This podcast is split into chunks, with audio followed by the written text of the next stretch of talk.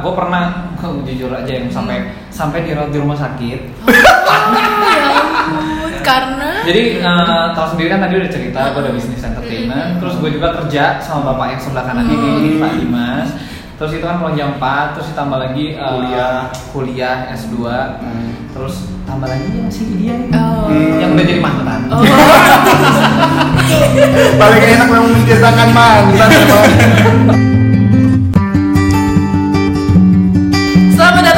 di podcast Sini Cerita. Eh, udah episode kelima, geng. Buset, buset. Lima Pancasila. Di sini masih ada Gandes.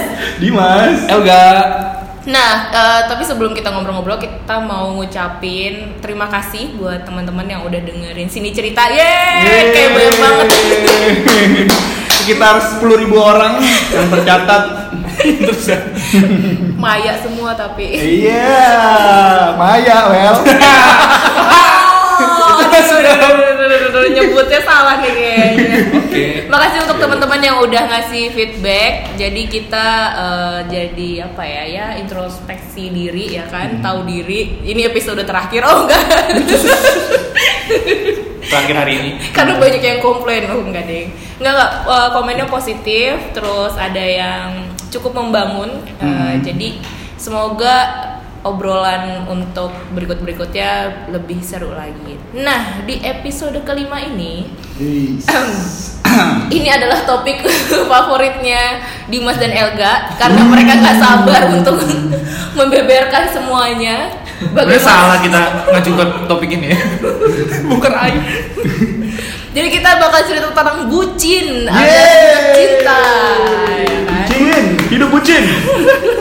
empat sehat lima bucin Nah, tapi sebenarnya eh, untuk pengistilahan budak cinta ini dari aku sendiri itu masih agak janggal karena em, apa ya itu tuh ada perspektif yang bisa beda antara mungkin dari sisi yang ngebucin atau yang dibucinin atau sama ada Membucinkan?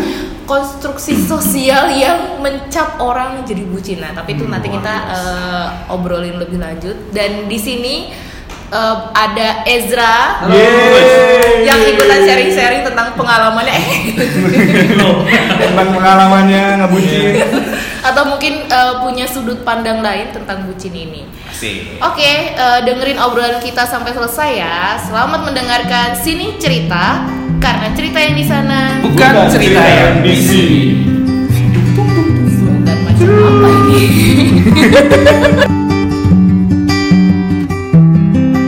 Istilah bucin makin sering kedengeran, apalagi di anak zaman now. Yes. Milenial, milenial. Biasanya sih itu untuk bahan komentar ke temennya ya. Ah, lu ngebucin lu gitu. Enggak, ngebucin lu ya gitu. Lu bucin lu, tiap hari bucin, semenit bucin, bucin terus, hidup lu bucin. Eh, Bapak Bucin, diam. bucin. Tegas banget Apa-apa dibucinin.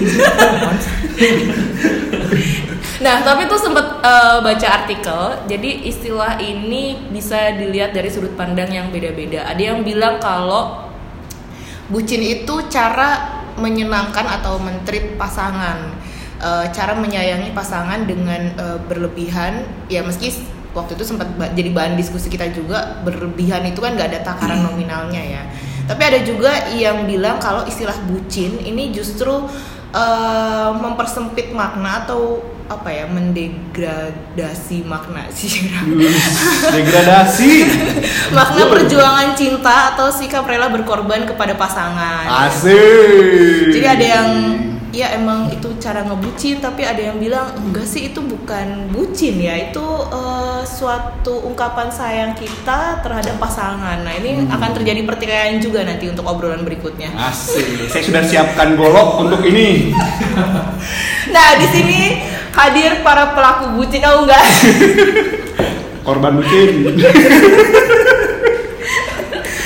kalau gitu saya mulai eh, tanya dulu sama Bapak Dimas. nah ini tingkat bucin yang pertama Kenapa yang level paling tinggi kita mulai Gue duluan.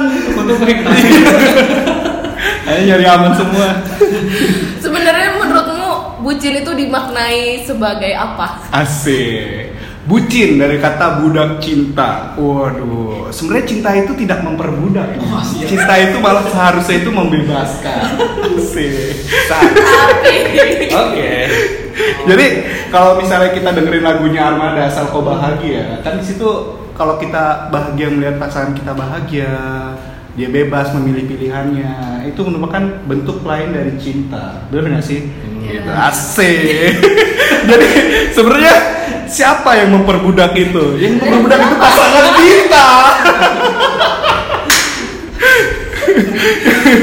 atau malah Anda korban atau pelaku? Enggak pak, kalau saya inisiatif bucin Pak. Jadi saya tidak dipaksa-paksa untuk ngebucin, tapi saya sadar saya harus ngebucin untuk itu gitu. jadi jadi memang seperti itu gitu loh. Nah ngomongin bucin sih sebenarnya nggak harus jadi anak zaman now ya. Jadi sebenarnya kalau kalian pernah denger ini nggak sih ceritanya Roro Jonggrang yang Prambanan itu? Ya.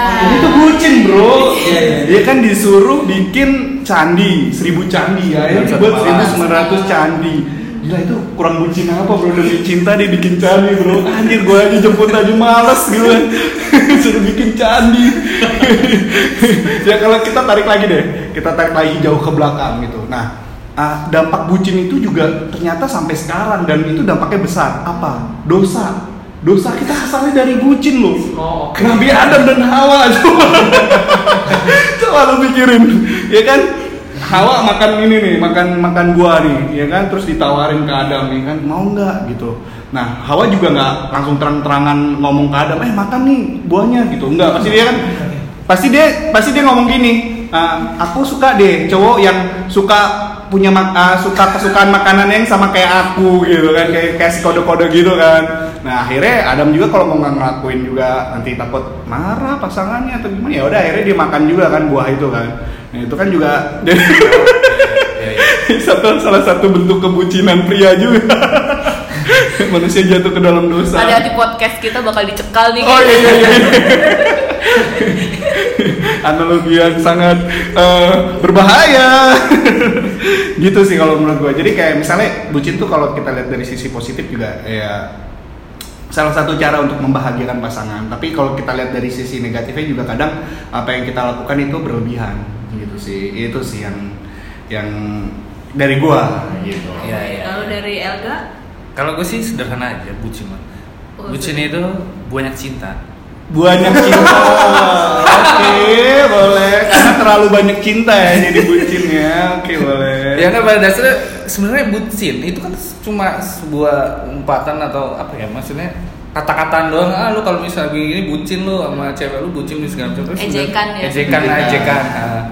ya sebenarnya kalau gue pribadi ya gue menjalankan eh, gaya pacaran ya pada umumnya ya pada pada apa namanya pada enaknya seperti itu Hmm. gitu loh Nyamannya. ya? nyamannya gitu tapi ya balik lagi tidak tidak apa namanya tidak merugikan kita sendiri yang penting itu saling kita Hmm. berdua saling melakukan itulah Saling Saling ngebucin. bucin. iya Jadi bucin itu kayak simbiosis mutualisme ya. Iya. Iya, jadi semacam ekosistem yang harus dijaga. iya Eh, iya.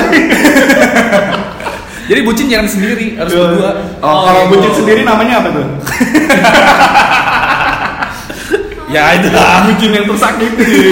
itu ke sebelah tangan ya sedih ya Oke, Itu kalau dari Ezra nih melihat eh, atau mungkin pernah melakukan Pandangan lain nih. pandangan lain tentang bucin, Kalau bucin menurut gue ini kan istilah baru ya Iya. dan dan selalu pemaknaannya berbeda setiap orang dan setiap komunitas.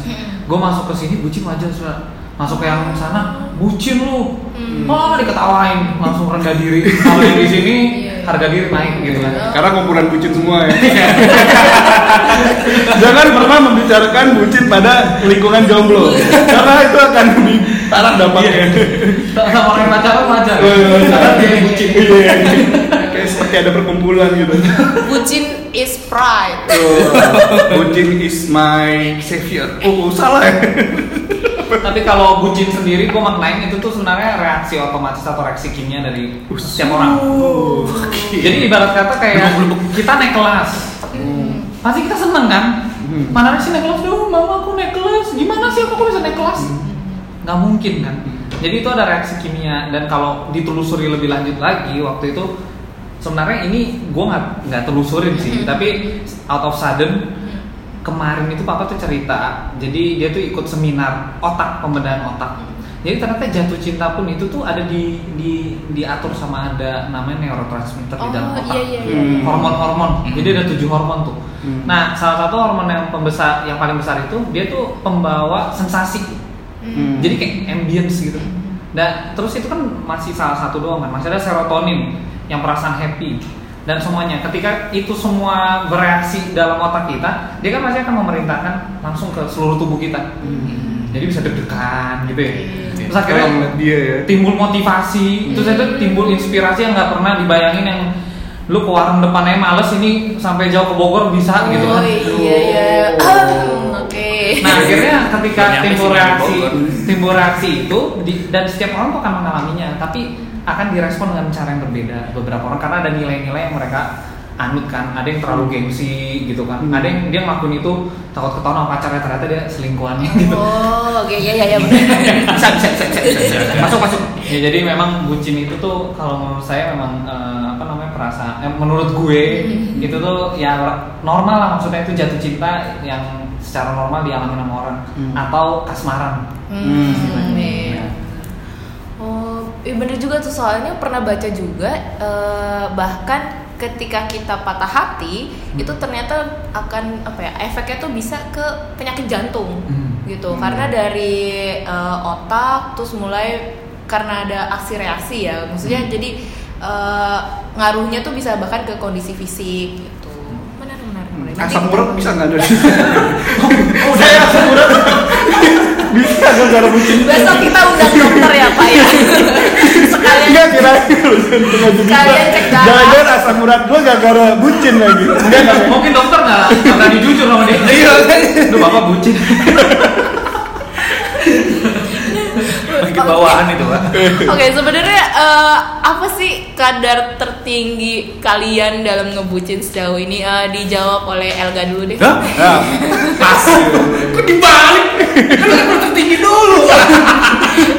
Kan yang pernah dilakukan Iya. secara personal. Ah, ya enggak. Apa ya? Gue nggak nggak pernah Merasa, ya? merasa itu kadar tinggi bucin. Oh, Tapi pada umumnya Atau ya. eh, apa ya? Apa yang pernah dilakukan lah Iya, ya? iya, Kalau selama- iya, yang Nah, pengorbanan apa yang lah ya, paling apa ya kalau misalnya eh, ya kayak jemput jemput pacar mah umum lah ya. Hmm. Jemput pacarnya di mana? Di mana? Kalau dari Tangerang ke Jogja ya itu bucin.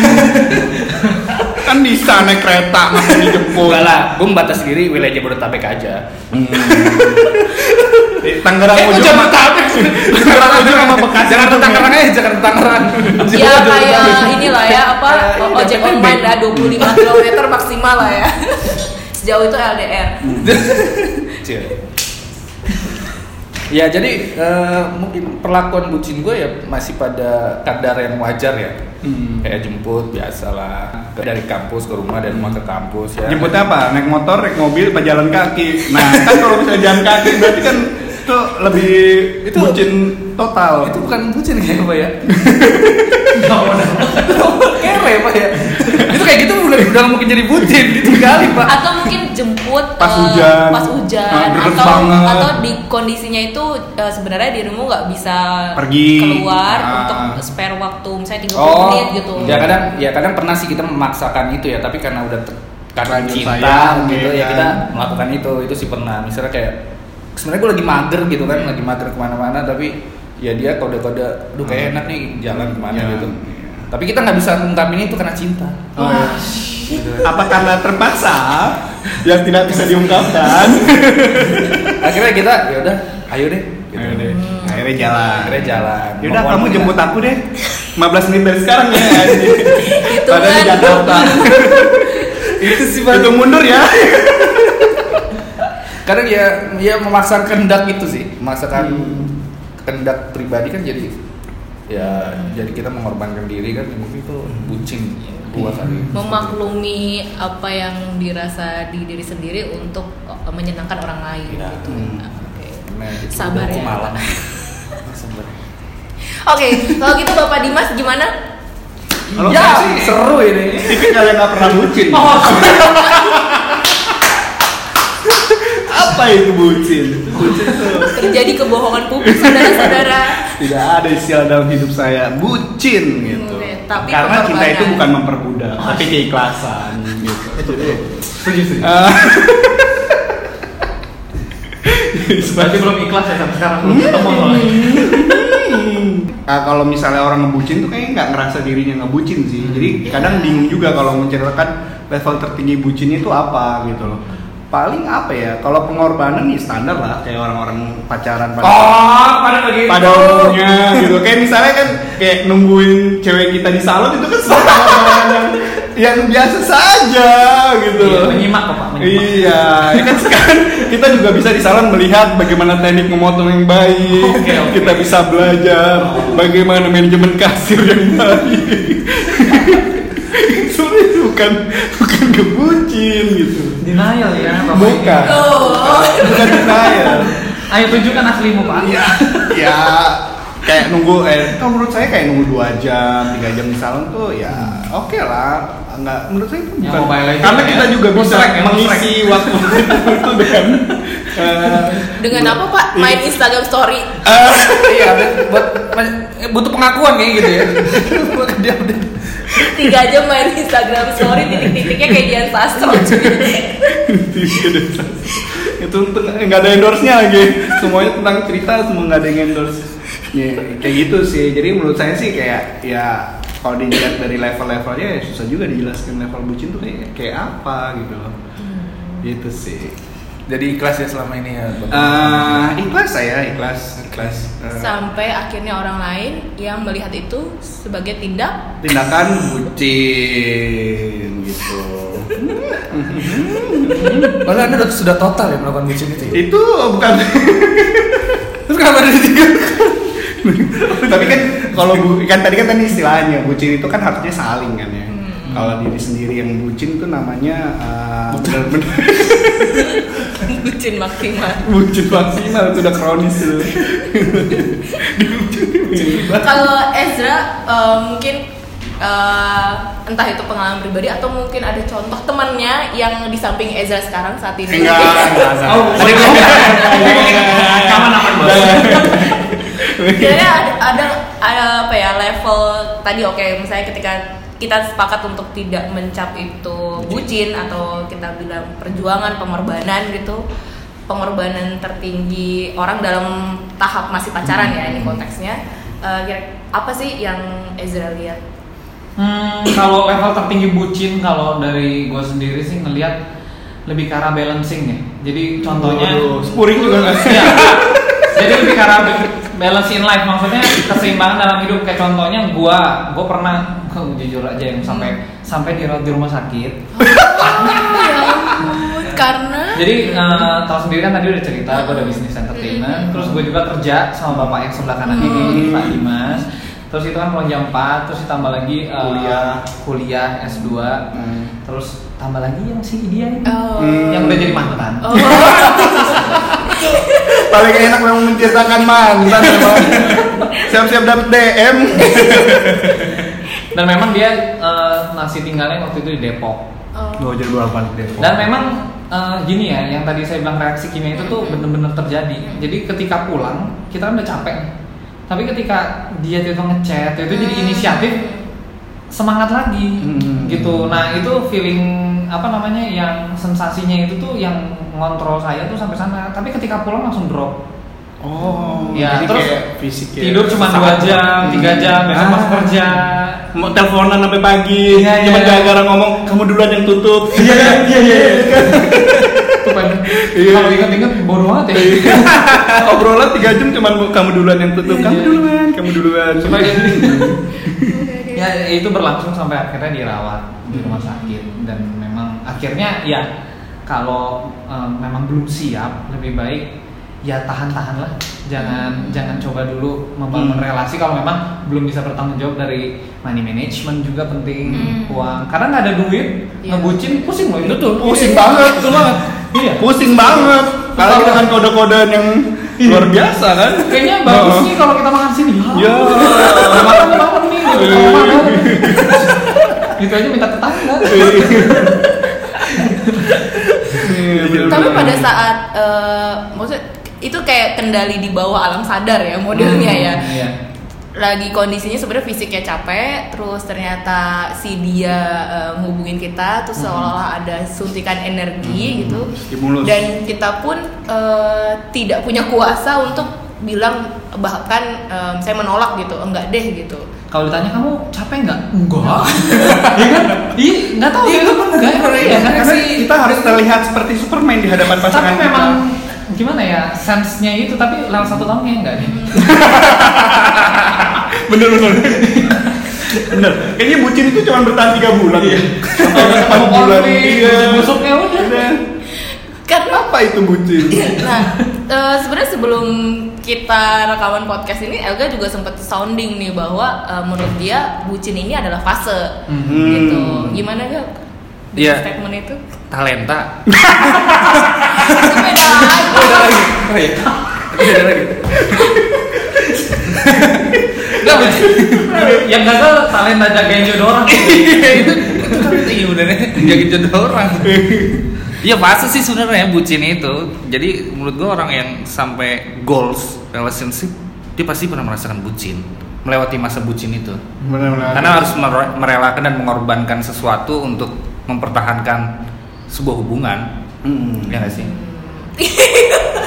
jadi eh, karena apa yang aku tangkap ketika bilang bucin ini adalah fase nyambung nih sama ucapannya Ezra tadi gitu. Ya Hmm. itu cukup empat bulan deh kalau tuh Hmm. sampai setahun udah deh. Berarti Hmm. ada ada yang udah nggak wajar nih Ah, dalam hmm, relasi iya, tuh iya. ada yang udah nggak sehat nih. Toksik semua nih isinya. Yang Hmm. satu seger buger yang satu tipes iya. gitu. Karena nggak balance bucinnya bener. Nah, keduanya alat ukurnya ini yang Nah, nggak ada nih balance gimana? Ya mungkin kalau tadi yang Ezra bilang bucin itu bertahan 4 bulan, ya sebenarnya eh, ya itu harus Jaga. dibicarakan lah. oh Gue udah cukup nih bucinnya gitu. oh, gitu. Lu masih mau bucinin gue terus. terus selesai nih gitu 4 bulan doang. ya sudah kita harus bisa mengontrol ya kadar bucin dan eh, apa namanya bucin kita harus eh, seperti apa gitu harus dikontrol Oh iya, iya. Nggak sih? Manajemen bucin. Boleh jadi mata kuliah manajemen bucin. tambahan aja. Jadi balancing sebenarnya balancing rasional sama emosi sih. Nah, betul. Nah, jadi kalau itu nggak seimbang, udah bucin. Hmm. Emosi yang lebih Dominan. Dominan. Iya. Jadi kita kayak nggak nggak apa-apa nggak Iya, apa-apa. iya. Pulang jam Iya. 3 pagi nggak apa-apa. Teleponan sampai jam 3 pagi, jam 6 berangkat kantor nggak apa-apa. Sama tipes, ini lu lihat kan tipes kan? Nggak apa-apa, nggak apa-apa. besok kamu tifus I- iya iya iya mau tifus Disuruh tidur aja susah. Aku udah bobo duluan ya jam 3 online. Gitu kalau curhat. Pancing juga cuy jadi eh, sebelumnya juga sempat dengar tuh eh, cerita tentang podcast yang seben- eh, bahas bucin. Nah podcast ini ngebahas dari sisi apa ya pasangan yang eh, eh orang yang pasangannya dikatain bucin sama Hmm. teman-temannya gitu. Nah menurut dia eh, it- penamaan atau ejekan bucin itu nggak nggak sesuai Hmm. karena misalnya lihat konteksnya dulu deh orang dia dan pasangannya ini jarang ketemu kok teman-temannya seenak-enaknya ngomong e, cie lagi ngebucin Hmm. gitu jadi kayak tadi Elga bilang ah itu cuman ejekan aja di Iya. di komunitas gitu tapi dia juga bilang bahwa level bucin itu adalah ketika eh, kan gua nggak apa ya kan gua nggak melarang eh, pasangan untuk main sama teman-temannya gitu. Jadi ada porsi dia main sama teman-temannya ada porsi juga sama pasangannya gitu. Jadi ketika hubungan itu justru menjauhkan eh, pasangan dari komunitasnya dari teman-teman yang lain itu bisa dianggap udah masuk level bucin gitu. Apalagi kayak teman kita ya gak ya yang tadi nemenin ke salon ternyata sebelumnya dia udah ada janjian rapat ya. Wah, itu parah sih. Waduh, demi wanita dia mengcancel rapatnya. Bukan ada. Nggak dateng nggak dateng nggak ada kabarnya Nggak ada kabar, nggak kabar. kita cuma tahu di Instagram Story. Padahal jadwal rapatnya juga yang nentuin dia. Oh iya, siapa tuh? Nggak ada sih orangnya di sini Nggak ada. pernah kita anggap ada Kalau ada tuh orangnya tuh gue pengen ngobrol sama dia. Kenapa deh sampai seperti itu ya? Itu jangan-jangan saraf di otaknya sudah terendam bucin. Jadi tapi eh, ketika eh, teman-teman yang di sini melakukan pengorbanan setingginya itu ada triggernya triggernya ya berarti dari efek pasangannya apakah itu atau dari sebenarnya pengen pride kayak tadi kan Dimas sempat bilang ya karena kita pengen dicap sebagai hero gitu di depan pasangan kita. Ah, ya. nah kalau dari Elga yang tadinya mager terus akhirnya ngejemput Yang tadinya lagi mager, terus akhirnya pergi, Ya udah deh. magernya didiemin kan, belum jadi. Enggak. mager bapak Aku takut kamu kecewa aja. Oh gitu. berarti nggak- memang nggak mau ngecewain pasangan Ya intinya sih pada itu sih. Ya, Tapi bucin kita- itu bisa kelihatan fake nggak sih? Maksudnya uh, dulu kamu kok begitu, terus Iya. sekarang kok nggak pernah lagi gitu kayak gitu. Itu yang nanya masih pacarnya baru sekali. baru pacaran. Eh tapi gue pernah dikatain bucin sama pacar gue sendiri, men. Hmm, itu berarti levelnya udah parah banget kalau dikatain bucin sama dia. Pacar sendiri sih. Tapi eh, pertanyaannya Dimas tadi, eh, ketika ada pasangan yang bilang, kok kamu berubah yang tadinya Hmm. apa-apa mau ngelayanin, misalnya mau ngeladenin sekarang enggak, berarti emang dari awal udah nggak ada keterbukaan nih, Betul. eh, kejujuran gitu. Ya pengennya nyenengin nyenengin, tapi ternyata menipu diri sendiri gitu. Berarti Hmm. kan ada hal-hal yang ditutupi gitu. Nah, mungkin eh, perkara istilah bucin atau istilah perjuangan atau pengorbanan semuanya ada apa ya kayak kadarnya masing-masing tadi Ezra juga sempat bilang gimana uh, balancing itu antara rasional sama emosional Emosional, itu betul. walaupun terdengar apa ya sangat sempurna Sangat mudah dilakukan. Pada kenyataannya sulit. Mitos. Hanya mitos. mitos tapi paling enggak eh, kita punya beberapa semacam Prinsip. prinsip Apa? atau panduan Iya. gitu panduan untuk reflektif Eh, sebenarnya apa yang kita jalanin dalam berpas eh, berrelasi atau Hmm. Berpasangan ini pacarannya sehat atau enggak sih Nah, itu penting tuh. Jadi memang sehat. harus punya batasan-batasan ya. Pasti harus ya benar tadi Ezra bilang harus ada rasionalisme dan kita harus mengenali diri kita sejauh mana batasan-batasan yang memang menurut kita oh ini udah kelewat batas nih kalau gue disuruh seperti ini gitu. Misalnya kayak disuruh ngejauhin teman, tadi yang Bang Ganes bilang atau bahkan ngejauhin keluarga Hmm. gitu atau mungkin malah kayak ngejauhin apa yang kita kepercayaan gitu kayak iman gitu kan. Nah itu kan juga ada batasan-batasan ada batasan-batasan yang memang seharusnya diri kita sendiri yang bisa mengukur itu gitu loh. Jangan sampai oh ternyata gue kok rela mengorbankan apa pun bahkan keluarga gue untuk yang orang yang baru gue kenal gitu. Jangan sampai ada penyesalan seperti itu gitu. Nah itu memang harus di harus ditakar dulu diri sendiri sih. Levelnya itu semana? Soalnya ini ada ketinggalan tapi nggak apa-apa ya masih Iya. ada waktu ya. masih ada empat hari. Karena masih ada. Jadi ini sebenarnya waktu ini tuh sempat mau tadi mau dibicarain tapi juga baru ingat sekarang. Ini tuh dikasih tahu sama eh, ketua eh, apa ya konselor gitu di daerah Tangerang gak usah sebut orang Iya. maksud itu. Nah dia bilang kalau ceritanya bucin atau apa itu tuh kita skala pengukuran atau indikatornya kan rasional tadi sama emosi. Ta- Yang kedua itu konstruktif atau destruktif. Hmm, Hmm, iya betul, betul. Ya, jadi Betul. nanti kita bisa lihat yang konstruktif itu apa yang kita ngelihat. Konstruktif itu kan pasti ini mengarah ke pernikahan atau enggak itu pertama. Terus betul yang- yang pertama Terus yang kedua eh, kita tuh jadi lebih bisa eh, pribadi yang jadi lebih baik mengenal orang lain Oh, atau enggak. mengenal. Karena kan dari hubungan kan. Atau destruktif. Tiba-tiba kolesterol naik. nah Ya, semurat terus itu demam, pusing-pusing. muntah-muntah Pulang-pulang muntah-muntah. Berangkat kok cepet gitu ya. Iya. Pulang kok banyak nyampe. terus pekerjaan jadi terbengkalai Iya, karena iya. fokusnya chatting sama man, sama sama atau enggak relasi sama temen-temennya yang seharusnya datang rapat nggak jadi yang Nah, Iya. itu aduh aduh kamu udah hajar aja Udah Nah, bisa nomornya kok nah itu bisa dilihat dari indikator konstruktif atau destruktif itu sih yang Oke. dari dia sih aku saya nangkapnya yang itu dua hal itu yang lainnya ya penelitian penelitian gitu lah Hmm, setuju setuju setuju banget sih Hmm. Setuju. Nah, makanya nih eh, beberapa waktu yang lalu tuh sempat baca artikel di sebuah media massa Sebut saja. sebut saja Kompas. Iya. Edisi 20 Juli eh, tahun ini dan itu dari yang nulis ada seorang psikolog.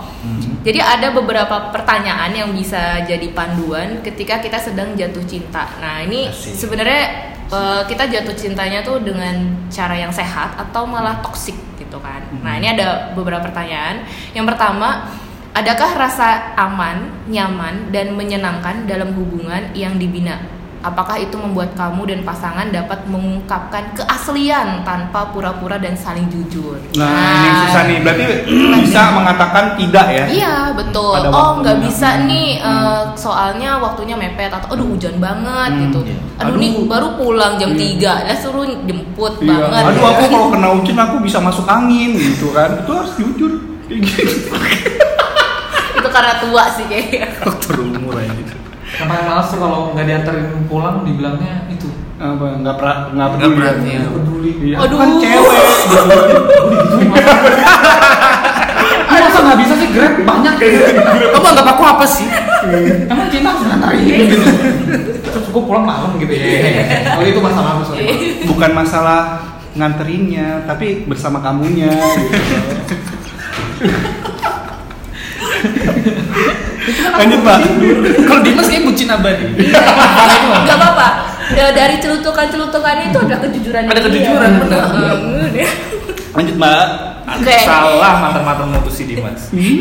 Yang kedua adalah apakah orang yang kamu cintai itu benar-benar mampu membuat kamu merasa berharga? Nih kayak tadi tuh Ezra kan bilang destruktif atau konstruktif gitu. Bukan membuat kamu merasa terlecehkan Nah, saya dan tahu ini.